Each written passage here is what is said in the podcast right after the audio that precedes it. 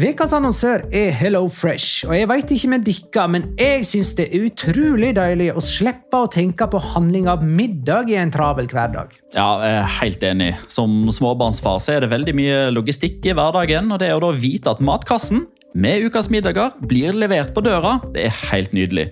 Da slipper du impulskjøp på butikken når blodsukkeret er lavt, og når du kommer hjem, kan du bare ta ut posen med dagens ingredienser fra kjøleskapet og sette i gang matlaginga. Ja, Du kan velge mellom 25 ulike retter hver uke. Og de har faktisk en egen kategori som heter Raskt og enkelt, med masse enkle og gode oppskrifter. Veldig greit å ikke måtte ty til takeaway hver gang det er hektisk på jobb. Jeg gleder meg spesielt til sterk chilikylling i min neste kasse. Jeg blir sulten bare av å tenke på det. Ja, Det er ikke feil med bacon og cheeseburger heller, da. Og det som også er bra, er at matkassen koster det samme hver uke, som gjør det enklere å holde matbudsjettet. Ja, og så blir det ikke matsvinn heller, fordi du får akkurat det du trenger til hver eneste rett. Hello Fresh kan absolutt anbefales, og bruker du koden vår, LIGALOCA, kan du få opptil 1779 kroner i rabatt på de fem første matkastene hvis du ikke har prøvd Hello Fresh tidligere. Du kan også prøve koden hvis du har avslutta abonnementet ditt for tolv måneder siden eller mer. Gå inn på hellofresh.no og bruk koden LIGALOCA. Bon appétit! Hallo? Jeg kommer fra Oslo politikammer. Ine Jansen er purk. Er du purk? The motherfucking bitch. Alt jeg vil, er å finne ut hva som skjedde med mannen min. Jon Carew. Er jeg sikta for noe? Iben Akeli. Det er du. Ole So, Lars Berrum og Big Daddy Karsten. Hvem sin side er du på, egentlig? Anette Hoff, Tone Danielsen, Kommer du fra Afrika? Jørnis Josef, Nesten. Kløfta. Trond Espen Seim. Det er synd å si det, men det var feil mann som døde. Purk. Premiere tirsdag på TV2 Play.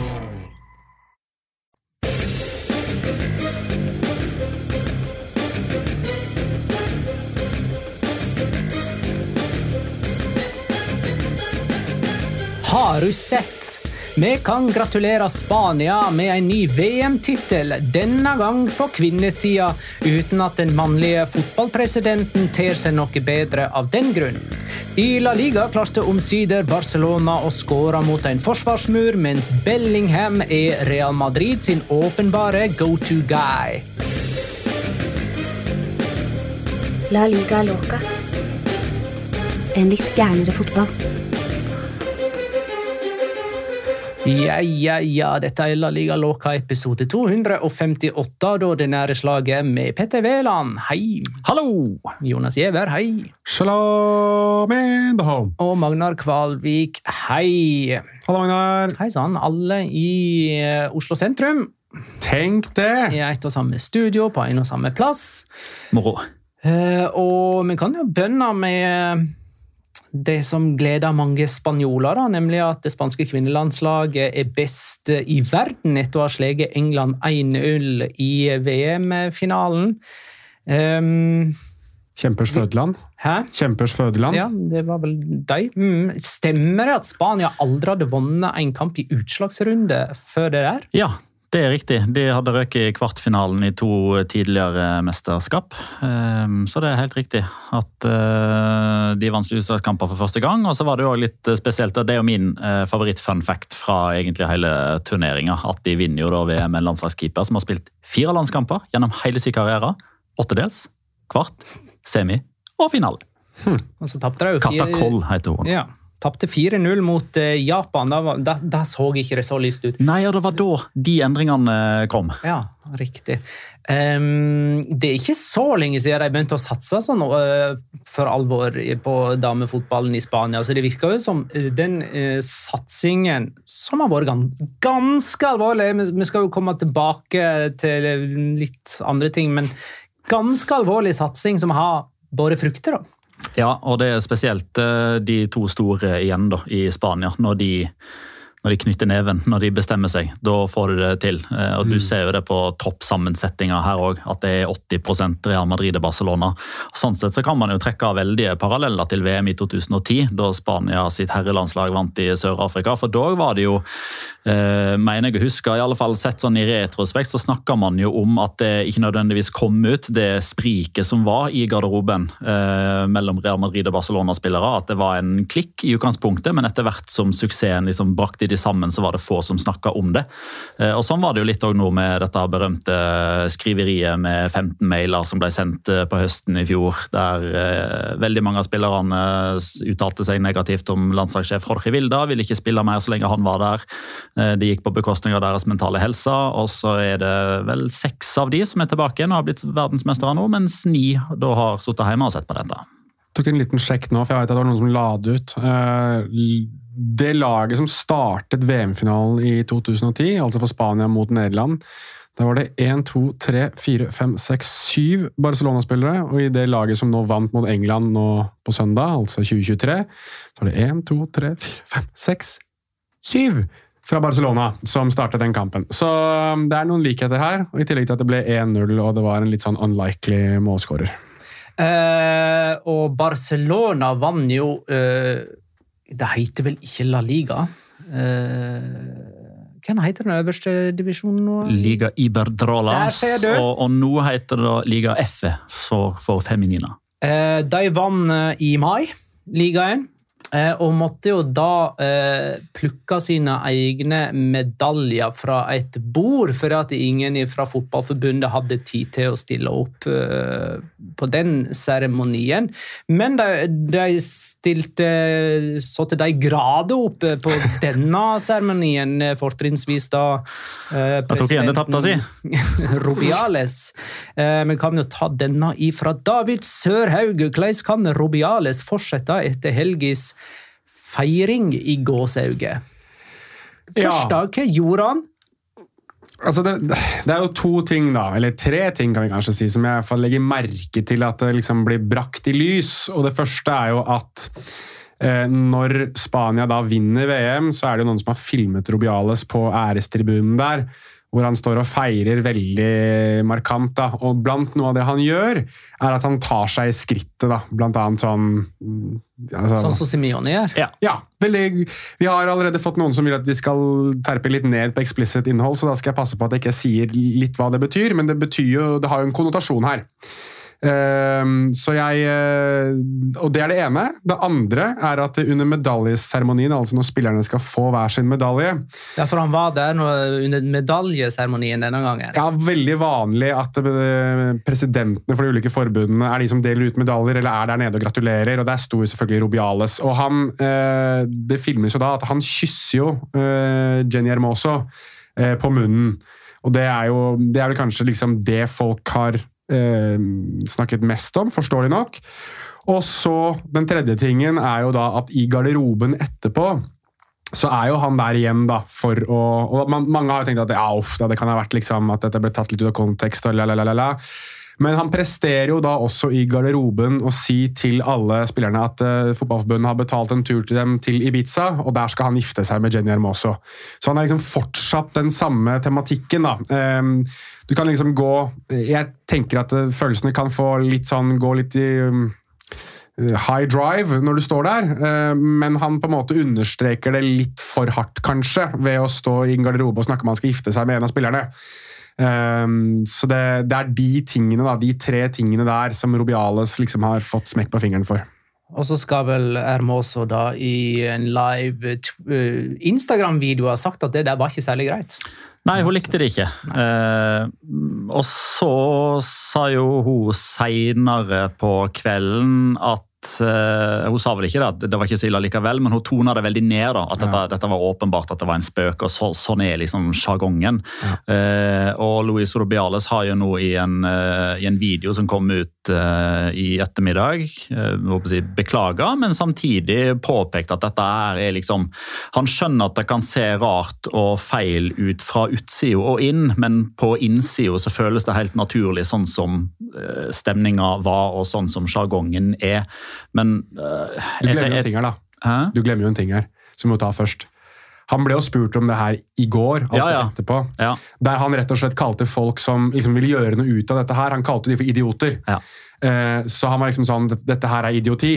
Uh, og så dagen derpå så er han inne på det du forteller Ja, nå har han vel fått noen, noen velmente råd om at det kanskje det kan være greit. Og det er vel en likestillingsminister i Spania som har gått veldig hardt ut mot dette her, og signalet det sender. Um, så ja, det er vel ingen som har latt seg overraske over at Luis Rubiales har tatt det aller meste av søkelyset etter at Spania vant VM. Vi skal straks eh, gå inn på La Liga-runden. Um, Men kan jeg bare få ta én ting til fra den Instagram Live-videoen? Ja. Er det bare jeg som er litt sånn Ok, dere får beskjed om at dere får reise til Ibiza. Altså, Spanjoler får lov til å reise til Ibiza. Er det litt som at nordmenn liksom bare Woo! Flekkerøy! Woo! Hvaler! Eh, Tøyenbadet! Tøyenbadet! Men det virker jo som alle eh, fot altså mannlige fotballspillere ferierer på Ibiza om sommeren. Da er de ute i båten sin, eh, yachten, på dagen, og så på fest om kvelden. Ja. Det er vel litt Jeg har i hvert fall inntrykk av at Ibiza er liksom det stedet der spanske fotballspillere ferierer. Eh, Jeg synes nesten hver gang det er liksom mot slutten av sesongen, så er det en eller annen som nevner at de gleder seg til de skal ligge på stranda i Ibiza. Så um, de er glad, de er glad i sin egen, sin egen nasjon. Men eh, vi skal snart gå i gang med La Liga-runden, men du har jo runden spillernominasjonen din fra VM-finalen, du, Jonas. Ja, jeg kan, eh, jeg kan vel kanskje ta henne nå først som sist. Eh, Jeg vet ikke om vi kanskje, Nå blir jo dette her litt sånn Locora møter runden spiller, så jeg kan holde hele historien til litt senere i episoden. Men matchvinner Olga Carmona eh, vil jeg veldig gjerne at det skal få runden spiller. eh, og det igjen litt det vi skal tilbake til etterpå, men også fordi at hun nå skriver seg da inn i historiebøkene som den som vant VM for Spania. Og vi husker jo hvordan Andres Iniesta ble hyllet i etterkant, og applaus på hver eneste stadion. og eh, den udødelige karakteren eh, Andres Iniesta er blitt. Og Når man vet litt om historien til Olga Carmona, så vil man forstå hvorfor hun kanskje blir en enda større figur for spansk fotball. nei, kanskje ikke større enn Iniesta, men i hvert fall helt oppe på lik plassering. Så eh, Olga Carmona får, for min runden spiller, og det tror jeg hun gjør i hele Spania. I hvert fall for samtlige som følger det spanske kvinnelaget. Ok, La Ligas andre serierunde. Eh, Kvann spør største overraskelse, positiv eller negativ, denne serierunden? Skal vi tar en hver. Jeg kan jo bønne med min store overraskelse. Jeg vet ikke om jeg kan sette positivt eller negativt fortegn på den, men Ørjan Nyland har signert for Sevilla. Den Eh, så jeg ikke komme. Den kom beint ifra venstre. Ja. Jonas. Uh, jeg la meg overraske over at uh, Og hvor elendig Real Betis og Atletico Madrid var på søndagskvelden. Ehm, jeg hadde gledet meg. altså Jeg kjente at det var en sånn kamp som jeg tenkte her er det to lag som har masse kule spillere. Isco er liksom ordentlig tilbake igjen. Simiones Atletico Madrid så veldig gode ut periodevis mot Granada. Eh, Memphis Depay skulle endelig starte. Eh, Her har de bydd opp til fest. Eh, nummer én. Hva er det som er fargefeilen med hjemmedraktene til Atletico Madrid og hjemmedraktene til Betis? Det er ingen feil! Men likevel så skulle de spille i disse her da blå draktene sine. Atletico Madrid. Det var helt jævlig for øynene å se på. Jeg tenkte Blackburn er da. Jeg skjønte ikke en dritt. Altså, hva, jeg, det var noen som sa det i vår Discord, som du får tilgang til gjennom Loca, eh, At det så ut som det var HamKam mot Vålerenga, og jeg er helt enig i det. Det så litt sånn ut. Um, så det var ene tingen som skuffet meg, og det andre som skuffet meg, var at eh, Får egentlig bare én ting. Det var helt Ja, men jeg jeg har lyst til å klage litt. Ok, jeg skal klage litt mer etterpå, men jeg vil klage litt nå. Uh, og jeg vil klage på at kvaliteten på denne kampen var ræva. Eneste positive, en positiv, Rui Silva spilte i den gamle keeperdrakta til eh, Peter Schmeichel. Det var gøy. Klarer du å holde det litt kortere enn Jonas? Ja, Petter? ja, Den positive overraskelsen er Valencia, som altså da står med seks poeng etter to kamper. Som bortimot klink nedrykkskandidat hos enkelte. Jeg har et så innstendig håp om at Sergi Canos og Rafa Mir og et par andre til inn gjør at vi skal slippe det der nedrykkspisset nå. Rafa Mir til Valencia. Ja. Ser sånn ut. Vi har inside information fra Gurendal senior. Det er ikke akseptabelt. Vi hyller han hvis det stemmer, og vi slakter han hvis det ikke stemmer. Eh, runde to kamp for kamp eh, ble seende sånn ut, da, med Mallorca Villarreal 0-1. 1. Det var Villarreal sine første poeng for sesongen med Gerard Moreno som eh, matchvinner. Vi, har ikke, vi skal ikke gå særlig i dybden på denne kampen. her. Jeg vil bare likevel få sagt noen ord om eller at vi skal gjøre det, om Alexander Sørloth, som vel er den av disse angriperne som nå har to ganger 90 minutter, pluss tillegg. altså Han har ikke blitt bytta ut, og han har starta begge kamper. Og han har null skudd på mål!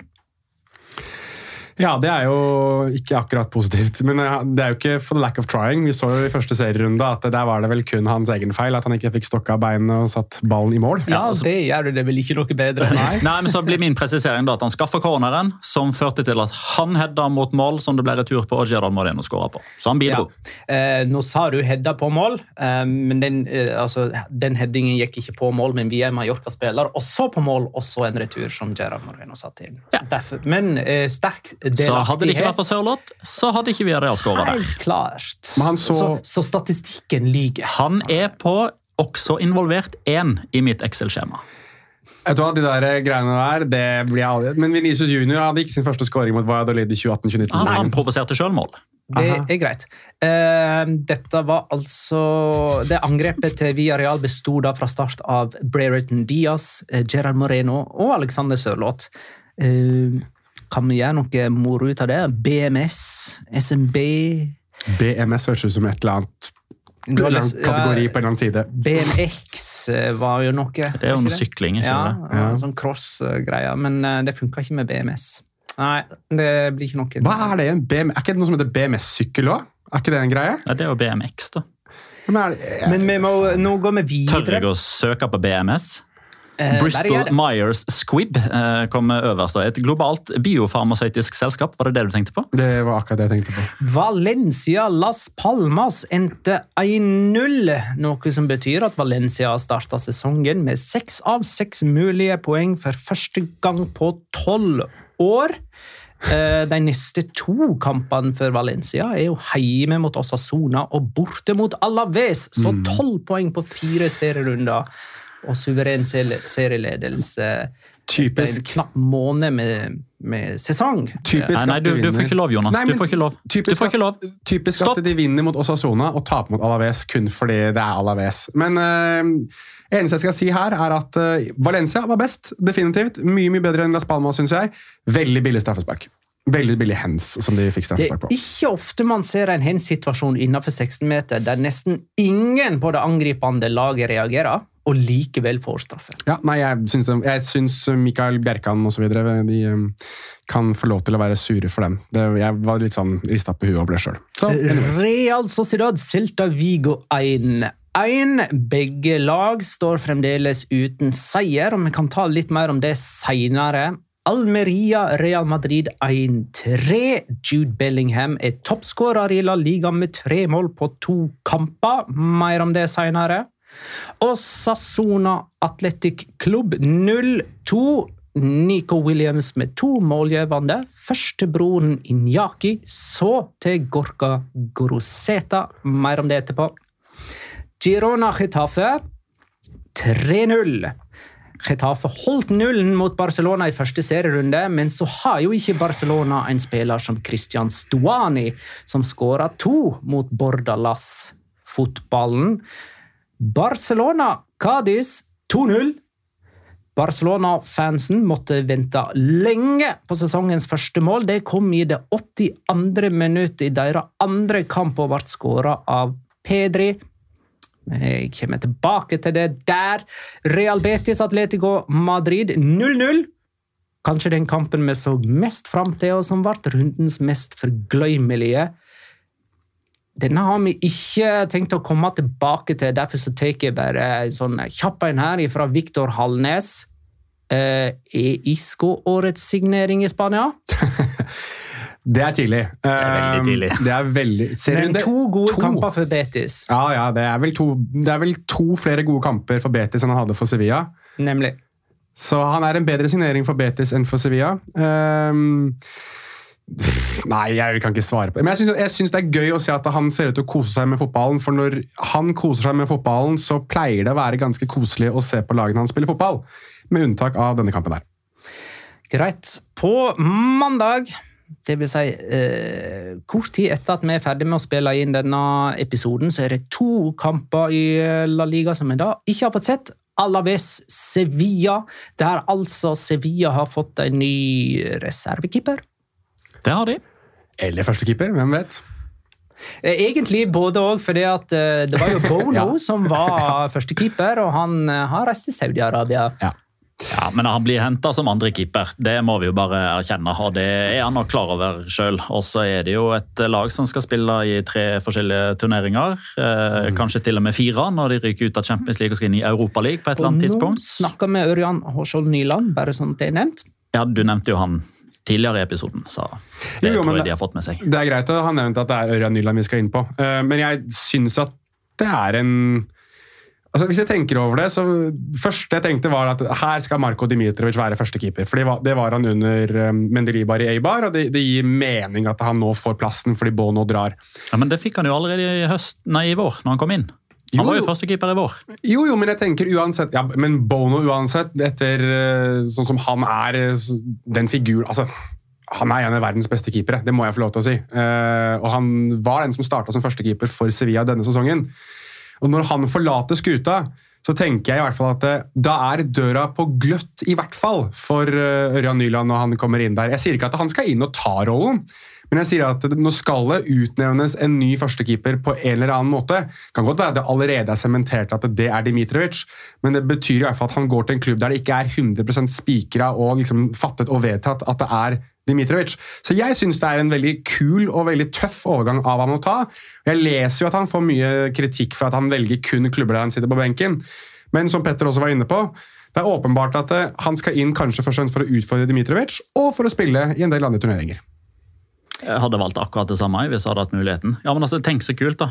Altså, Oppsida her er jo altså, Han er eh, La oss si at døra er på gløtt, da. Det er den jo åpenbart. fordi hvis man hvis man hadde meint at Marko Dimitrovic er det soleklare førstevalget, da hadde man tatt opp Alberto Flores eller Mathias Arbolda fra B-laget og, og hatt de. Eh, og så kunne man eventuelt eh, søkt noen nødløsning hvis Dimitrovic ble skada. Blir Dimitrovic skada eller spiller dårlig nå, så er det plutselig Nyland som får muligheten i en vanvittig kul klubb i en veldig kul liga. Eh, og så ser jeg at det er veldig mange som, som reagerer og tenker litt sånn ja, men nå må Nyland begynne å tenke på det norske landslaget, og han må stå fast osv. Ja, i en ideell verden, på vegne av nasjonen. Eh, hvis man eh, tenker hva er ideelt for vårt landslag, så er det selvfølgelig å ha en keeper som spiller fast hele tida, og som får eh, 15 skudd mot seg og redder 14 av de hver eneste helg og er førstekeeper og, og har selvtillit osv. Men det skal han virkelig ikke Ørjan Nyland tenke på når han er den beste keeperen, og det er dårlig, jeg det gror dårlig i Keeper-Norge bak han. Det er jo ingen som klarer å utfordre han selv om han har sittet på benken i et år for Leipzig. Så altså, Hvorfor skal han tenke på det? Altså han, ok, Hvis han blir andrevalg, da, så har han hatt jævla fett år. Trent ok, fått masse sol på kroppen, hatt orkesterplass til La Liga og Champions League-kamper. Hadde gjort akkurat det samme. Eh, Den andre kampen mandag kveld er Granada Rayo Vallecano. Det vil altså si at eh, tre av de fire som er i aksjon mandag kveld, står med null poeng før de eh, oppgjøret. Alaves, Sevilla og Granada. Mm. Mm, før vi går i dybden på ting, så har Jonas fått høyt blodtrykk i løpet av helga og har lyst til å blåse ut litt, så nå skal vi gi han ett minutt. Jonas gjever løs. For mye. Hissig. For lite. Sint. For ofte. Utestemme. Halleluja. Snakker kjempehøyt. Høyt blodtrykk. Jonas gjever løs. Ja, takk for det, Magnar. Dette her eh, blir jo ikke en ukentlig ting, men det blir en ting som kanskje dukker opp eh, titt og ofte. Eh, forrige uke så satt vi og snakket om at Chetafe Getafe er det helvete som himmelen trenger. Denne runden her så er det ingen som trenger Getafe uansett. altså. Jeg kjenner at jeg blir sånn ordentlig forbanna når Pepe Bordalas, som jeg syns egentlig er en utrolig kul trener, klarer å lire av seg ting som at 'vi får kort for alt', og at de på død og liv dømmes på en annen måte enn resten av klubbene i La Liga. Ja, Se på måten du spiller fotball på, da! Altså, Du legger jo opp til at dommere kan ta et valg om å gi et gult kort eller ikke. De fikk fire gule kort tidlig, og da sa han at nei, det eneste av de fire det skulle Gené hatt. De tre andre nei, de, de, de teller ikke, de, da. Altså, det er ikke kort som du mener at dommeren har mulighet til å gi eller ikke gi. Altså, jeg, han snakker om at de blir satt i en offerrolle eh, fordi at alle i Spania hater dem etter kampen mot Barcelona. Eh, nei! Etter kampen mot Barcelona så ble de hyllet av samtlige aviser, kanskje de som var utenfor Catalonia, for å være tøffe, røffe og tørre å spille på sin måte mot Barcelona. Men når de møter en litt mindre klubb Sorry, Girona, dere er litt mindre enn Barcelona så skal han sitte og sutre og grine om at de dømmes til helvete. Nå er jeg så lei, altså! Enten må de bestemme seg, skal de være som de er og bare stå i det? Eller skal de endre seg og være cruyffistiske, som det Bordalas selv hevder at han er? Det her går ikke! Vekk med det! Neste runde så får han ta, altså holde kjeften sin hvis han kan spille på den måten her. Ferdig! Kan jeg møte neste runde? Det driter jeg i! Eh, da, men, De møtte Alaves! Hoi! Å, fy faen, tror de Den kampen kjenner jeg at eh, den skal jeg se. Den Eh, kampen spilles heldigvis mandag kveld, så den får vi ikke snakke om. Åh, ja. eh, nei, men da kan vi jo snakke litt om Almeria mot Real Madrid, som vi faktisk eh, har sett. Eh, Da lite visste vel vi at det var Bellingham som var Benzema-erstatteren i eh, Real Madrid. To mål og én målgivende i denne kampen. Den målgivende pasningen til Venicius Junior var ikke akkurat ferdigskåra, kanskje. Venicius ferdigskåra den sjøl, på sitt vis.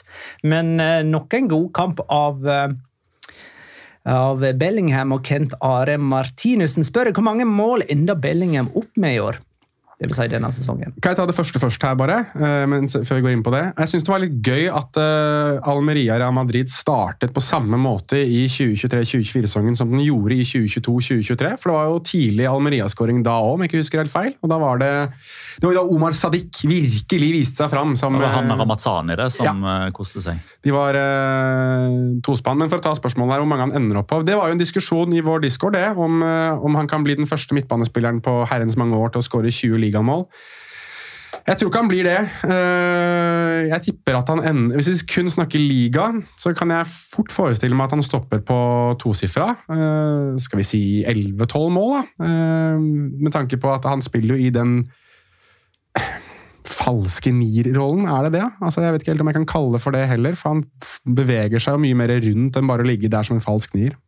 Ja, jeg synes både han og Venicius og Rodrigo altså Selvfølgelig i en, i en heatmap eh, så vil man liksom kunne plassere dem på forskjellige steder, men jeg synes de er veldig flinke til å vandre og gjøre det vanskelig for først Atletic og så Almeria sitt forsvar å, eh, å bli med. Um, jeg må jo si at eh, jeg, forventa liksom at Bellingham skulle være god i Real Madrid, men at han allerede nå skulle være ti ganger bedre enn i Dortmund, Som som han han, selv sier. Eh, det er litt overraska over. Men eh, jeg tror nok det han vil få fram der, er at han har blitt bedre på alt. Ikke nødvendigvis det at eh, hvis man kunne målt eh, kvaliteten hans i Dortmund, så kan du gange det med ti nå, men det er jo det der at med all respekt for, eh, for Dortmund, der var han liksom ledestjerna. Han var den desidert beste, syns jeg. Det har vi jo hatt en diskusjon om i, i discorden òg, og så var det han eller var det Brant som var best. Eh, Men altså, for min del, den soleklart beste forsvarsspilleren. Han gikk litt matlei etter hvert, men det, det er og var og kommer alltid til å være Jude Bellingham. Her i Real Madrid så, blir det porsjonert litt mer, som jo også gjør at han får litt mer sånn frihet. Han blir ikke nødvendigvis mannsparkert. Det er ikke han de har all fokus på, sånn som det etter hvert ble i Bundesliga. Og Det er jo det som er fordelen for, eh, for Ancelotti og Real Madrid. At eh, Bellingham tar litt av fokuset vekk fra Venicius, og Rodrigo tar vekk litt av fokuset fra Bellingham, og Venicius tar vekk litt av fokuset fra Rodrigo. Og Til sammen så blir de tre der fryktelig gode. Eh, Ørjan lurer på om vi kan få litt Hey Jude-allsang i studio, og svaret er nei. Eh, jo Charles P. Cross. Eller var det Charles? Jeg tror vi lander på Charles. Jeg tror vi på Charles. Ja, ok. Eh, spør Tror dere man eh, i slutten av sesongen vil si at det var smart av Real Madrid å ikke hente en klassisk nier? Eller vil man si at mangelen på en klassisk nier førte til at det ikke ble det helt store? Vet du hva, det, er bra det, det er ufattelig godt spørsmål. Og så skal jeg være den kjipe uh, til å si det spørs litt hva som skjer i 2024. For hvis det at Real Madrid ikke henter en spiss i 2023, betyr at f.eks. Haaland eller Mbappé kommer i 2024, kjempesmart. Men hvis ikke Haaland eller Mbappé eller Ossimen eller hvem det skulle være kom- komme i 2024 heller, da er jeg ikke så sikker. Nei, Jeg syns det er et ufattelig bra spørsmål. Og det er sånn spørsmål som vi kun vet svaret på når vi også vet hvordan sesongen endte. Altså, Så langt så kan vi godt si at oi, genistrek. Men eh, det er jo spådommer vi blir bedt om her. Ja. Eh, altså, Nei. Å komme med svaret etter at vi har svaret, er jo, Nei, jeg, kan jo er, alle. jeg er en, eh, jeg er en eh, litt sånn old school på det der. Og jeg tror at eh, Altså, de skulle jo hatt, hatt en spiss, tenker jeg. Uansett. Altså, de har jo ikke noe plan B. Det er jo litt det altså, Hoselo, ja, ok, greit. Jeg skjønner at noen har lyst til å slå i bordet med han, men han ble jo egentlig henta, tror jeg, for å backe opp en annen spiss, som han først trodde skulle være Benzema, og så forlot Benzema klubben, og så kommer ikke Mbappé. Så det er liksom Han har fått en jobb fordi eh, Og den jobben er fremdeles å være på benken, eh, og den er blitt enda tydeligere fordi de ikke har en nummer én-spiss. Så Nei, jeg, jeg, tror, jeg tror ikke de jubler over at de ikke har Benzema. Nei, Og så må, vi- må vi jo huske da at de møtte et dørgende tamt Atletic og Almeria i de to første rundene her. Og etter et poengtap så er det kort vei til krisestemning rundt Real Madrid. Så, Ja, ja. Uh, jeg nominerer i alle fall Jude Bellingham til rundens spiller. Han ble vel kåra til rundens spiller i forrige episode, Mhm. uh, men han er ikke for overmenneske å regne han. sant? Nei, ikke. Nei, nei, ikke ennå. Ikke ennå. Nei. Men hvis han fortsetter sånn, så må vi bare slutte å nominere han Ja. for å liksom putte han i en egen kategori. Eh, og så kan de menneskelige konkurrere om den gjeve rundens spiller. Jeg tenker hvis han, hvis han blir stemt fram tre ganger på rad, så tenker jeg at da er du Eller, eller er det fem ganger på rad, kanskje? Ja, fem ganger, da. Ja, Da er det nok. Da er det nok. Eh, Neste kamp for Real Madrid er på fredag, faktisk. Borte mot Celta Vigo. Og eks-Real Madrid-trener Benitez. Real Madrid åpna jo med tre bortekamper. Jeg syns det er litt gøy at du sier det. Eks-Real Madrid. Ja. Det, er, det er det ikke mange som husker lenger. Det var ikke verdens Jeg eh, husker det. Ja, jeg gjør det, jeg òg. Jeg husker det, jeg òg. Men jeg tror de, at eh, Eks-Liverpool-spiller Jaguar Aspas. Det syns jeg var bra! Den var kjempegod. Men det som var litt moro med det med Benitez, var jo at de da avskjediga Angelotti uten at folk forsto hvorfor. Og så kom Benitez og tok over, og så gikk det jo bare til helvete. Skjønte man iallfall ikke hvorfor. Nei. Og så kom vel Zidane etter det, også, og der begynte man å skjønne hvorfor. Ja. Det gøye der var liksom de der bildene av jeg husker Rafael Benitez som sto liksom sammen med Cristiano Ronaldo og Gareth Bale og skulle liksom prøve å forklare for de hvordan man skulle spille fotball. Uh, han liksom det hadde liksom vært noen år siden Benitez hadde fått det å stemme. da. Han hadde liksom hatt den der ene perioden sin i Chelsea som var, der han bare var utskjelt. Så det var um, veldig sånn forgetful periode. Det også da Santiago Solari var trener for Real Madrid òg, for de som husker det. Eh, Kepa Arrizabalaga satt på benken for øvrig for Real Madrid, mens eh, Vicente Moreno fremdeles har null poeng som Almeria-trener. Vi fikk for øvrig et spørsmål i, i discorden, tror jeg det var det noen lurte på hvorfor spiller Real Madrid på, på fredag. Ja. Eh, og da, da humra jeg litt. Grann. Altså, jeg tenkte liksom sånn ja, nei, men Hvorfor skal ikke de spille på en fredag? Altså, er man liksom er man for store til å spille på en fredag? Ja, de er jo det, da. Eh, Men nei, de er jo ikke det. for De spiller jo på fredag nå. Jo, jo, men eh, kryss i taket.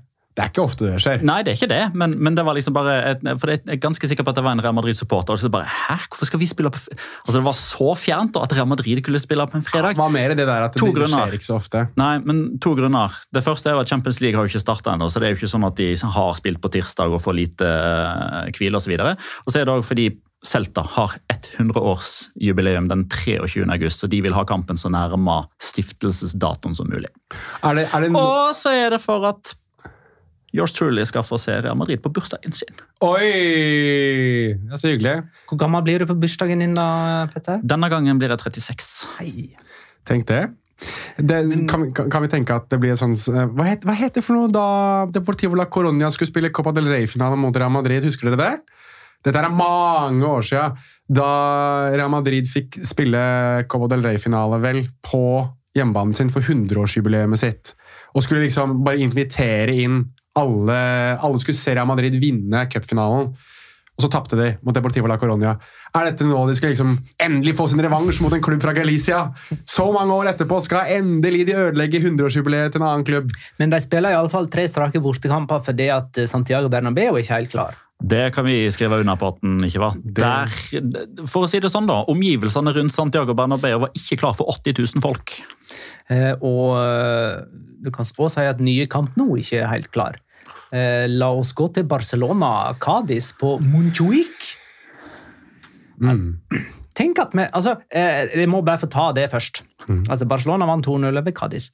Eh, det, det er liksom Enkelte stadioner har på en måte den her visuelle looken på TV som du bare ser med en gang. Dette er på ja, i, i det gode gamle tilfellet Kamp nå. Det, det er liksom ingenting, ingen tvil når du ser en kamp eh, på TV fra Kamp nå, at det der er Kamp nå. Du tar ikke feil av det. Nei.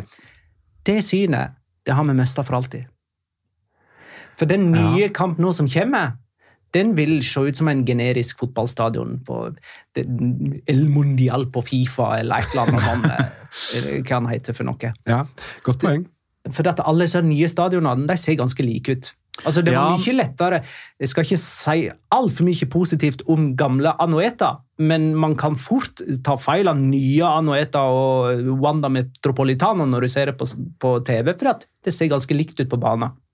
Jeg ser hva du mener. Tribunene er helt like strukturert med den samme avstanden fra side og linje og bakmål. Ja, ja, det er sant. ting. Det- det er et sånn godt er det poeng. med alle moderne Men, stadioner. men samtidig så har du jo eh, du har jo òg ting eh, å håper jeg, legge merke til da, som gjør at du skiller det ganske raskt allikevel. Altså eksempel den enorme Atletico Madrid-logoen som er mellom benkene og blomstene som alltid ligger ved cornerflagget. Men skjønner veldig godt hva du mener. Eh, på Montjuic så var i alle fall de nederste seteradene ganske tomme. Eh, så på TV så så det jo ganske tomt ut Men ganske det, lenge. Men det ga mening. Det er nemlig en eh, liten bass på Twitter som har lagt ut en video, eller i hvert fall har videreformidlet en video fra TikTok, eh, av en kar som viste hvordan utsikten var fra helt nede ved eh, første rad. Og du ser jo ikke en damn shit der nede, ikke sant? Du ser ingenting, for du har jo løpebanen som går rundt, åpenbart, for Montjuic er jo en olympisk stadion. Så uh, du ser jo ikke noen ting. Altså, du, du får ikke med deg noe som helst av kampen. Du må opp i høyden for å kunne Du må få opp i høyden for Han- å få oversikt. Han ble vel òg uh, passende nok plassert bak noen høyttalere. som, ble det, eh, ja. 70 Så, euro, men- men- 70 euro koster billettene her. Ja, ja, det er det dårligste kjøpet siden den Jude Bellingham-drakta mi. det. Men men det var jo Hvor mange ledige seter var det? Det var jo 10 000 ledige seter, så han måtte jo ikke sitte der, da. Nei, han gjorde nok ikke det heller. Nei. Men jeg, jeg, bare for å forklare hvorfor men, det, men når du er inne på det visuelle, Magnar, så ser det jo helt bedritent ut. Det ser ikke ut som det er en fotballbane du har lyst til å besøke. Nei, men altså, 40 000 på en Barcelona-kamp. Ja. Er det bra eller er det dårlig? Jeg ser at det er forskjellige meninger om det. Jeg står på at jeg syns at det er ræva. Ja. At det ikke kommer mer enn 40 000. Og så ser jeg at det er liksom et argument at ja, men du må gå opp en bakke, og Montjuic ligger liksom på toppen, og det er ikke noen metrostasjoner der. Nei, men det går buss, og det er shuttlebuss, og det er ikke langt fra, fra plasser de Spania og opp til Montjuic, og du kan ta taubane. Og, så jeg tenker liksom sånn, Det er første seriekamp for sesongen. Plasser til hva, for øvrig? Plasser de Spania. Er det det det heter der? Ja. Den svære som er nederst på, på nedsida av uh, Montjuic. Er det det? Er, er, beklager, jeg bare vet om plass i Catalonia. Men, uh, Nei, det ligger jo i sentrum. Ja, nettopp. Jeg, Ja. trodde, jeg visste ikke at det var et Spania òg. Ja, okay. anyways, unnskyld, beklager. Digresjon. Eh, jeg mista det litt nå. Men 40 000 på kamp det er for dårlig når det er første serierunde. Det bor så mange folk, og det er så mange fans. Hva er eh, publikumstallet på Montjuic? Ca. 10 000 ledige, da, så er det 50 000. Ja, altså Ish. Det, ja, ish. Nei, det er jo ikke bra. Uh, spesielt ikke når Barcelona selv liksom reklamerer ofte for at de har over 100 000 solgte billetter på Camp Nou. Så er det jo noe her som skurrer, da. Ja, Eh, så så jeg òg artikler i media om at eh, det var Jeg lurer på om det var noe sånt som kan ha vært 40% frafall på sesongkort osv. Det er jo Det finnes sikkert gode grunner til det. Det er Veldig mange av de som går på kamp på Camp Nou, som har sesongkort, er oppe i årene. På samme måte altså Socios, som er oppe i årene, som ikke fikk med seg alt dette her med Laporta og, og Bartomeo og Rosell osv., fordi de, de var liksom ikke med på ting. Eh, I kampen så hadde Barcelona mange innlegg mot et kompakt Cádiz, før Gundogan og Pedri fant ut at smarte løp kombinert med pasningspresisjon kunne åpne opp i midten. Eh, Pedri er ofte mannen som finner løsningen når Barcelona sliter mot kompakte lag under Xavi. Er, eh, skal vi se Han hadde skåra ti mål for Barcelona under Xavi, og sju av dem var 1-0-skåringer. Var ikke det sånn? Er er vi oppe i 11 og 8 nå? Ja, vi er jo det, da. Ja. Det er ganske vanvittig, og veldig mange av de kampene endte jo også 1-0. Ja. Eh, Jeg vet ikke hvor mange det var. Fem? Fire, tror jeg. Det ja, fire. Ja. Ja. Ehm, Fire-fem. Og så en fin gest da, til sitt hjemsted, eller sin hjemøy Tenerife, som sliter voldsomt med skogbranner for tida. Jeg skulle ikke si Det var kanskje greit å bare Det var ikke alle som skjønte hva det var, tror jeg. Eh, Men ja, det er jo Er ikke det ganske ofte nå? Bare sånn for å ha spurt om det. Jeg syns det er skogbrann på Tenerife veldig ofte. Ja, og Gran Canaria har nettopp hatt, og ja, det er jo generelt mye av det i Spania. Jens Olav Strand lurer på om man som Barcelona-supporter bør være bekymra vedrørende formen til Lewandowski. Ja, Ja. For å si det sånn, eh, jeg tror dere begge to endte på at Lewandowski blir toppskårer i La Liga denne sesongen. Jeg hadde Borja Iglesias. Jeg og tror de- jeg hadde Mbappé, faktisk. Ja, du hadde Mbappé, stemmer. Eh, jeg, Petter hadde Lewandowski, og jeg hadde Borja Iglesias. For å si det sånn, etter to serierunder eh, så har jeg mer troa på Borja Iglesias med sine null skåringer enn Lewandowski med sine null skåringer. Jeg har fortsatt mer tro på Mbappé. Og Ja, nei, jeg, jeg, men eh, ja, jeg ville begynt å bli litt bekymra, fordi altså Lewandowski ser ikke ut til å være i form. Og så kan vi jo si, kan jo følge opp med Sivert van Morik. da. Er det på tide å la Ferran Torres prøve seg som nier fra start? Han kom jo inn og skåra 2-0-målet. Du veit den derre Har På pasning fra Lewandowski. Ja, faktisk. Du vet den, eh, den giffen som eksisterer, der du har Spiderman som peker på Spiderman fordi det er samme person? Du har brukt det noen ganger, Veldig ja. mange ganger jeg har brukt den, ja, fordi det er litt gøy. Og her har jeg enda en. Ferran Torres, Marco Ascencio. Det er eh, de, samme feiring for så vidt også, men det er liksom, får, de finner liksom ikke helt rollen sin. Man vet at det er to veldig gode fotballspillere. Man vet at de mest sannsynlig hadde kunnet moonwalke inn på de fleste andre La Liga-lag. Men for Barcelona og Real Madrid så virker det som om de liksom aldri helt klarer å finne sin plass i laget. Nå har liksom Ferran Torres fått drakt nummer syv, og er liksom Nå skal han virkelig ut i full blomst. Men så vet vi ikke helt. Er han kantspiller? Er han offensiv midtbanespiller? Er han spiss? Og så scorer han, og da må han liksom minne alle sammen på hva han heter ved å kjøre den gamle Marco Ascencio-draktfeiringa. Så det er liksom Jeg vet ikke helt, jeg blir ikke helt klok på Ferran Torres. Eh, Jeg syns ikke han har vært spesielt god siden han spilte i Valencia. Skal jeg være helt ærlig. Hot Alright. take. Carl Løvenskiold spør hvem skåra flest mål, Lamin Yamal eller Luis Suárez? Og jeg aner ikke hvem Luis Suárez han tenker på. det må jo være Granada. Luis Suárez? Nei, Almeria. Han har gått dit. Eneste i spansk fotball som heter Luis Suárez nå, vel? Ja, men det var en ekstremt random sammenligning, må Ja. jeg si. Eller tenker han på Luis Suárez da I sin han prime. var Altså typ skårer Lamin Jamal 34 mål. Men i alle fall, Lamin Jamal fikk jo starta denne kampen. Mm. Han er fortsatt 16, sant? Ja. Uh, mens Ferran Torres og Ansofati fikk uh, sitte på benken og heller ta et innhopp hver. Jeg vil få sende en melding både til, An til Ansu Fati Ferran Torres, men ikke minst til Lamin Jamal om at han satses på. Eh, nei, altså jeg, jeg, jeg liker Lamin Jamal veldig veldig godt. Jeg syns han er en ekstremt spennende spiller. Jeg tror han kan ha en helt vanvittig framtid. Forhåpentligvis i Barcelona, for jeg syns det er kult når Barcelona avler fram sånne type talenter som det, og de blir så gode som, som vi kan forestille oss at de kan bli. Eh, men det er litt tidlig. Altså jeg får liksom litt den der, Han er 16 år, kanskje man skal ha litt mer is i magen med han. Kanskje man skal gi han et innhopp her og der istedenfor. Um, han ble jo også kastet inn for Barcelona som jaget mål mot Getafe. Og jeg blir liksom litt sånn Han er 16 år, altså. Eh, kanskje man skal steady lite grann, spesielt når du har Ferran Torres og Ansu Fati. Så jeg jeg syns ikke noe særlig om den måten han matches på, da. Men eh, at han er spennende og kan skåre flere mål enn Gremios Luis Suárez i La Liga-sesongen 2023-2024, det tror jeg på. Yes! Ja, du kan for øvrig startoppstillinga til Sevilla. Eh, Ingen lar seg vel overraske over det. dag to inn i Ørjan Nylands karriere, men det er altså Dmitrovic som står. Ja, okay. mm. Eh, Kadis hadde mange nok feite sjanser til å lede denne kampen lenge før Pedri skåra for Barcelona, så det er jo litt sånn som eh, forrige sesongs takt, eh, dette her. Ja, det var- Barcelona holder nullen i to kamper. Eh, Og spesielt her mot Cádiz er de kjempeheldige som gjør det. Det var, Men også det var mye nytt gress, og det var mye nytt utafor gresset, men på gresset så var det, det, var det samme. Jeg tror det var Phil Kitchomalidis, vår venn i The Spanish Football Podcast, som skrev det at vi har nå kommet til det punktet at i én mot én-situasjoner så er det Ter Stegen som er favoritt til å vinne eh, når han møter eh, en La Liga-angriper. For det her var jo, Roger Marti var jo på vei gjennom. Det er jo nesten sånn at Hvis man er på vei alene gjennom mot markene til Stegen, bare stopp, stå på ballen, prøv å få et frispark, eller vent til det kommer flere. Så blir det en større målsjanse. Ok, vi via Osasona Atletic 02 litt eh, oppmerksomhet eh, her. Eh, en av grunnene til det er jo at det aldri er en serierunde i Spania uten en kamp med minst tre røde kort. Eh, og Jan Sanset, Chimi Avila og en eller annen på Osasona-benken fikk alle det røde kortet i denne kampen. Eh, forrige, serierunde, så, forrige serierunde så var det jo Getafe Barcelona. Da var det vel fire.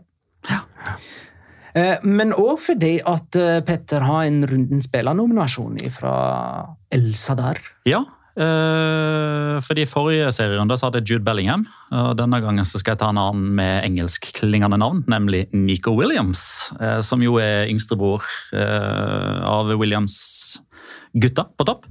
Eh, og det er ikke nødvendigvis bare fordi jeg syns han var veldig god i denne kampen og hadde målgiverne på både 1-0 og 2-0, og spesielt det forarbeidet på 2-0-skåring er jo strålende, der han viser seg fra sin aller beste side med kombinasjon av fart og, og tempo og det å få ting til å skje. men egentlig på bakgrunn av det denne kampen egentlig representerte litt for han da, med en enorm revansje. Fordi dette her var jo en reprise av semifinalen i den spanske cupen som ble spilt i, i vår. Og da gikk jo Sasona videre etter et sjansesløseri uten like av Atletic, og spesielt Nico Williams. Mm. og jeg synes Det viser voldsom karakterstyrke, eh, som jeg tror kommer til å gjøre at han blir en veldig mye bedre fotballspiller og kommer til å ha en veldig mye bedre karriere enn sin storebror. Så eh, egon on, som de vel sier i hysj, Hører du det? Det er, eh, det er faksmaskinen til Todd Bowley, som allerede nå skriver inn 80 millioner pund-budet på Nico Williams til Vet du hva? Vet du hva- Oi, ser du hva som kommer? Ser du hva som kommer? Det svarer til Atletic. Som er en finger rett i været. Ja, nei, men det Den bra. lengste, Den lengste fingeren. Den i midten. Um, nei, men uh, Real Sociedad Celta Vigo Inta 1-1 på Anueta.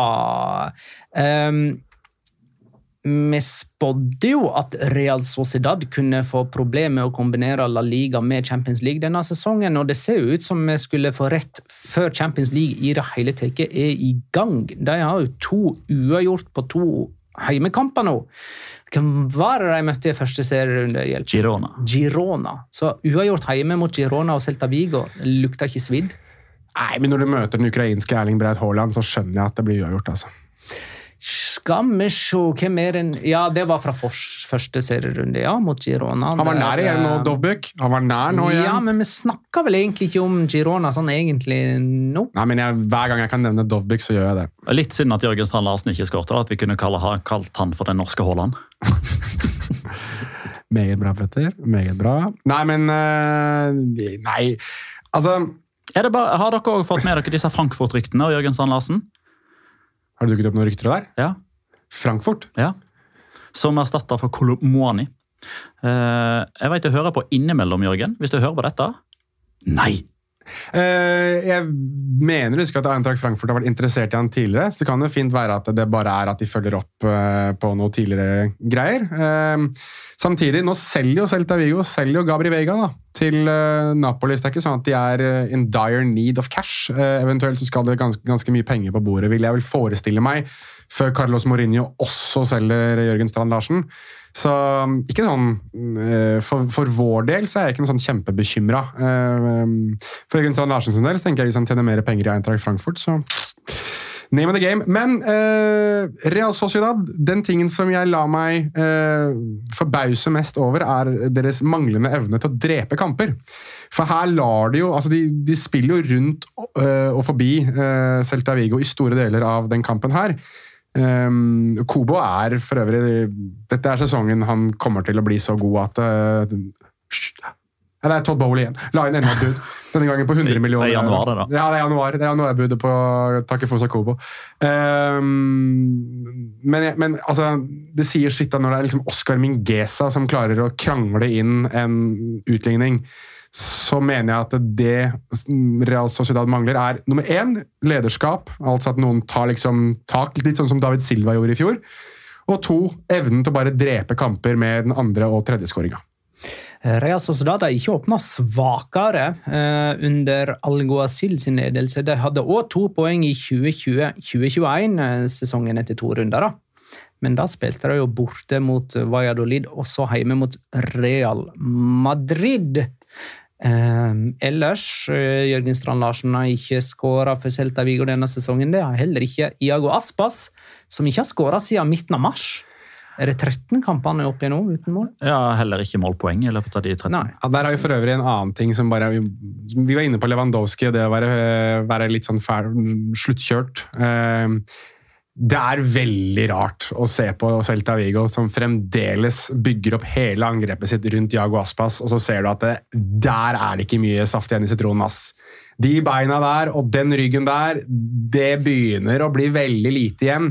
Jeg begynner å bekymre meg veldig for eh, Celta Vigo sin del, egentlig. Hvis liksom deres idé denne sesongen her, at det er siste sesong der de får noe ut av Jago Aspas, er lite igjen å hente der. ass. Altså, Der kan de heller ha de her manbun-gutta sine, Gonzalo Paciencia og han Hvem er den andre? Miguel Rodriguez. Miguel Rodriguez kan heller bytte inn på de to og så ha eventuelt en sånn der Twin Towers-variant med Paciencia og Strand Larsen på toppen der. ass. Det er Jago Aspas-prosjektet.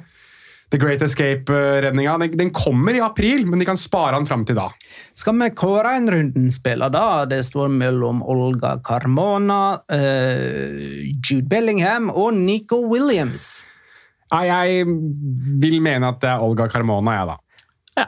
Det er greit, og da kan vi ta Locora!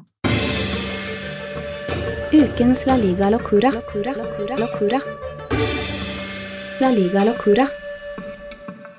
Du kan jo få begynne, du da, Jonas. Jeg kan begynne. eh, og Olga Carmona er litt eh, den spilleren, er litt den personen, egentlig, som jeg syns man burde snakke mye, mye mer om i eh, altså Ikke bare i Spania, men utenfor. Hun ble jo matchvinner for det spanske landslaget og skåret målet som ga Spania deres første VM-tittel på kvinnesiden. Men det hun ikke visste, var at dagen før VM-finalen så mistet hun faren sin. Men det ville ikke hennes familie og venner at hun skulle vite, for de ville ikke ta vekk fra hennes eh, forberedelser til den største kampen i hennes liv. Og hun fikk vite det rett etter finalen ble spilt, at hun hadde mistet faren sin. Altså, hun spilte uviten om at hennes far hadde gått bort, og skåret det viktigste målet i hennes liv, og sikkert i livet til utrolig mange spanjoler. Eh, og jeg liksom leser en del av det hun selv legger ut uh, på Twitter. og uh, for eksempel, jeg ser at Petter har oversatt dette her, at det finnes ikke ord for uttrykket nok takknemlighet for kjærligheten dere viser meg. Gårsdagen var den beste og den verste dagen i mitt liv. Jeg vet at du ønsket å se meg nyte dette historiske øyeblikket. Derfor var jeg med mine lagkamerater, for at du skal vite, uansett hvor du er, at denne stjernen også er din pappa. Skriver hun selv på Twitter. Og da kjenner jeg at det Det treffer jo noe i meg, eh, at hun eh, er så klarer å være så eh, tøff og, og tørre og være så åpen om følelsene sine, og at det gjør vondt, samtidig som det er så godt. Um, men um, jeg syns at denne uka her, og denne episoden her, så er den største helten av de alle. Uansett mål, uansett prestasjoner, så er det det Olga Carmona uh, står i, uh, og kommer til å stå i, og har stått i den siste dagen. Hun feirer vel skåringen med å hedre den avdøde mora til ei venninne i samme slenge. Ja, det- som, som det, det var en bortgang hun var klar over, da. Ja, og det tenker jeg at um, Fordi historien her er jo bare for å ta det superkjapt, historien her er jo det at det, hun må jo ha visst at faren var veldig syk, fordi at hennes mor og bror var med henne gjennom hele gruppespillet. altså De var i Australia og New Zealand med henne. Jeg, jeg, hørte, jeg hørte at han bare ikke ville flyge. Han likte ikke å fly. Ja. Men det kan, være, det kan være begge deler. Aner ikke. Men de returnerte jo til Spania i, i uh, utslagsrundene. Altså De var jo i Spania, og så dro de tilbake igjen til finalen. Okay. Viten om at han kanskje var Jeg, jeg gjetter, da. Nå, vi vet ikke om dette her er et illebefinnende eller om det er lang tids sykdom. Det vil jeg egentlig ikke spekulere i, for det har ingenting å si. Men jeg lurer litt på de tankene som har fart gjennom hodet på venner og familie når de ser at hun dediserer målet til en annen som har gått bort, når hun selv ikke vet at en av hennes nærmeste faktisk har nettopp gått bort. Så Petter. Ja, Da skal jeg ta med headsetet, for jeg trenger litt plass. Eh, fordi Min locora er noe som er erketypisk. Det er noe du bare finner her. dette ja, Jonas? Jonas? dette er, jeg bare får sagt det til dere som lytter. Jeg skal òg forklare underveis. Ja, ja. Det blir eh, tegn og forklare. Jo, jo, men jeg, vil bare, jeg skal bare si at Petter har tatt med seg props til denne episoden. her, og Det er første gangen jeg tror noen har tatt med seg en prop til en episode. og det synes, Eller en, en audiell episode, som også filmes.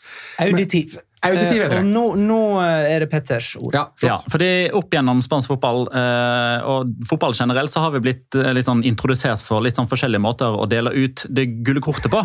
Altså Du har den vanlige engelske rett opp sånn. Du har den italienske som er veldig sånn ytterst på, på pekefingeren. Du har no look-varianten til Matheo Matteo Las.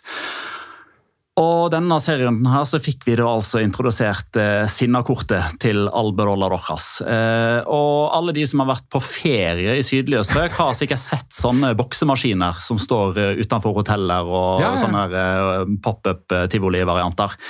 Hvis hans bevegelse hadde truffet en sånn boksehanske eller, eller sånn bokseball, hadde det vært 999 poeng. Det er altså det er altså så sinna kort at Ramón Terraz han flytta seg faktisk pga. lufttrykket. Jeg tror faktisk at det var et lufttrykk som jeg hørte i selve mikrofonen her òg, så her tror jeg du faktisk har klart å virkelig gjøre Alberola Rojas fornøyd. Som jeg for øvrig ikke liker.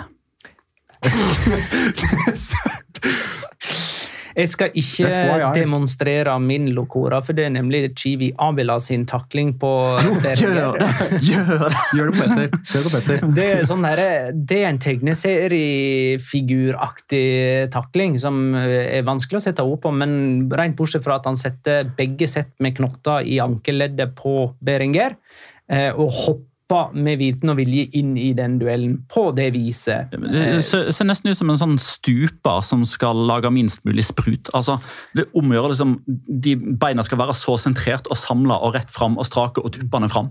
Ja, og med, med hendene ned langs sida og eh, Han tar sats, og han har en sånn diagonal positur i lufta Uh, som på en måte Så sånn at på vei ned er vanskelig, ja. Ja. Ja, den er Han god. levner liksom ingen tvil om hva han faktisk prøver her. Og det er å takle på seg et rødt kort.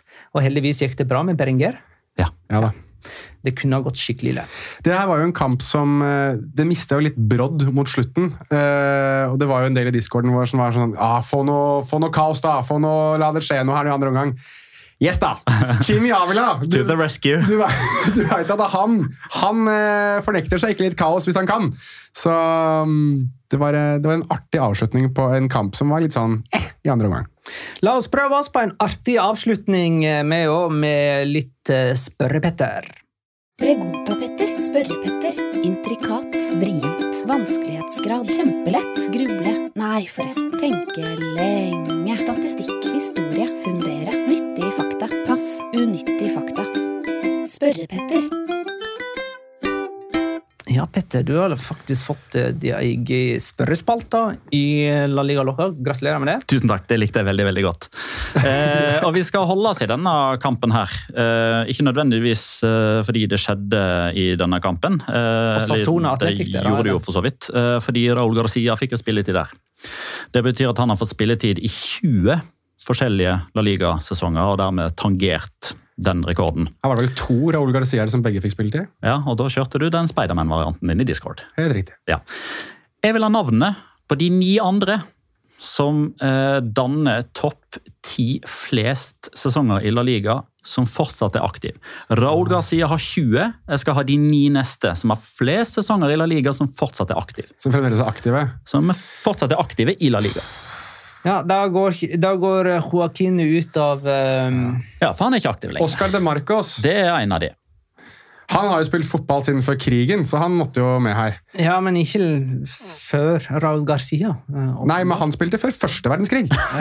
Ehm, som fremdeles er aktive. Men, de, er- altså, men eh, Flest La Liga-sesonger på rad. Nei. Det har totalt. ikke noe ja, Da har jeg Eh, kontrollspørsmål. Ja. Ehm, er samtlige av disse fremdeles i La Liga, eller er de potensielt De er i La Liga. Ok, Så det er ikke sånn at det er en Premier League-spiller her? Nei, så, altså For eksempel Marcelo hadde vært et riktig svar hvis det gjaldt utenfor La Liga. Ja, Han driver og ødelegger folk i Brasil. Uh, ja, Dani Carvajal kan han dukke opp Han har vel kanskje det er et opphold i Tyskland som ødelegger? Um, eh, Raúl Albiol. Det er riktig. åh, Da har vi tre. Oh, hvem var den andre? Nei, altså Inkludert Raúl Gracia. da, og så Oscar de Marcos. Dere fikk en gratis av meg. Du Vi skal ha ti. Ja. denne, her er, denne her er litt vrien, syns jeg. Gaia? Nei, Han kan ikke ha så langt nei han, han er nok langt unna. Altså, min, altså Den som har færrest sesonger, er nå da. i gang med sin 14., og. Iago Aspas er ikke blant de.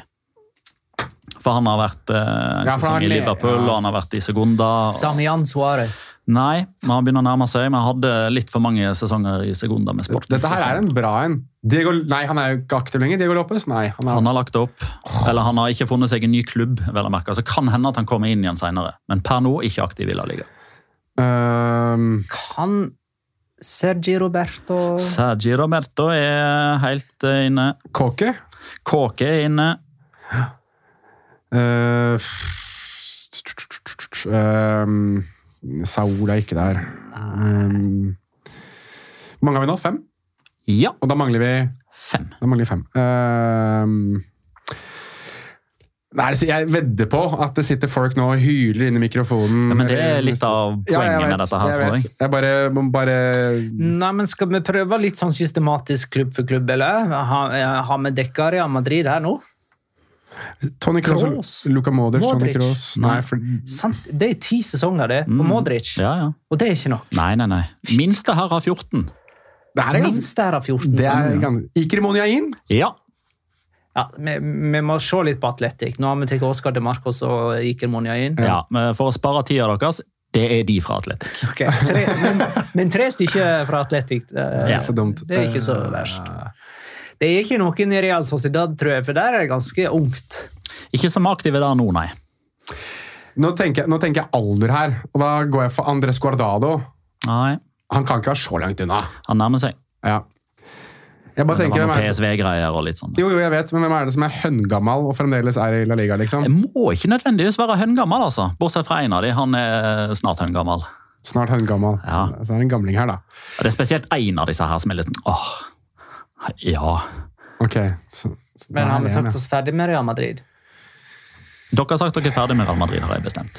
Eh, har vi sagt oss ferdig med Barcelona? Det må vi jo nå, eh, med alle de som har reist derifra. Alba, Eh, Busquets, Messi har reist alle sammen. Spørs litt hvordan man ser på det.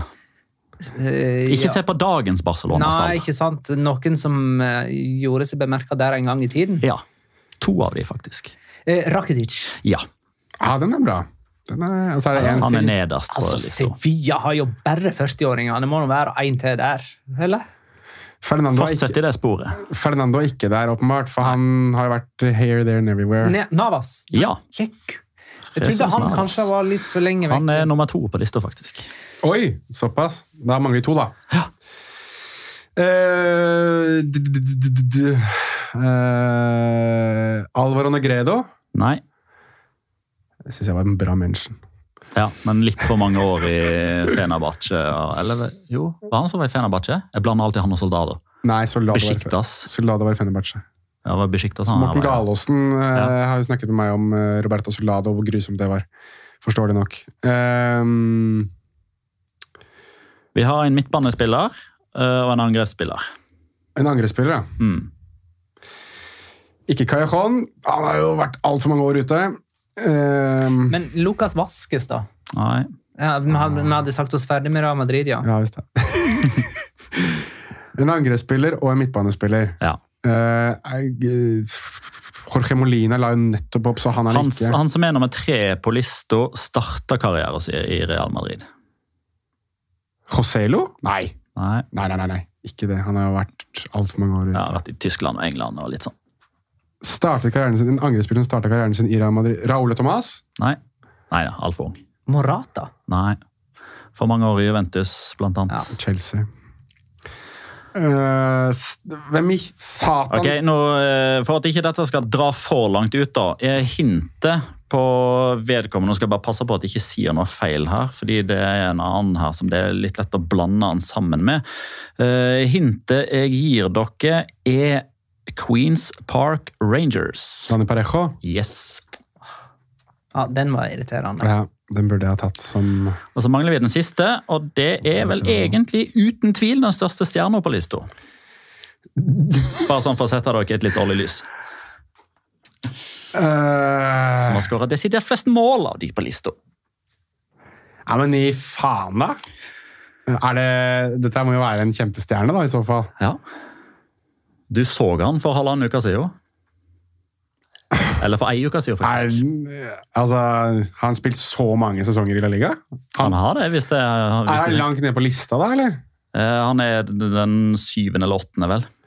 Dette er La Liga-sesong nummer 14 Du du får han. si han, da. Det er jo Antoine Griezmann, da. Ja! Antoine! Men han er jo gamle, han. Er ikke han født i 94? Han er vel 30? Men altså, han slo gjennom i, eh, ganske tidlig i Real Sociedad. Ja, og har jo bare vært i La Liga. Så det hjelper jo òg. 91 er Griezmann født, ah, ja, så han er 32. Ta lista, da, bare så at folk får en oppsummering. Ja, altså topp 10. Top ti. Så- Raúl Garcia. Du Du starter på toppen, ikke sant? Ja, ja. Jesus Navas. Dani Parejo. Oscar de Marcos. Iker Monjain. Kåke.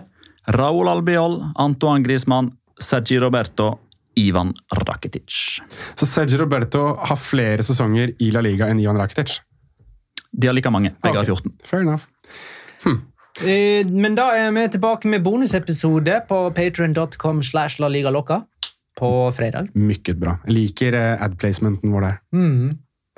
Uh, inntil da uh, så må dere ha det fint, eh, og takk for at du lytta. Kjære lytter, ha det da!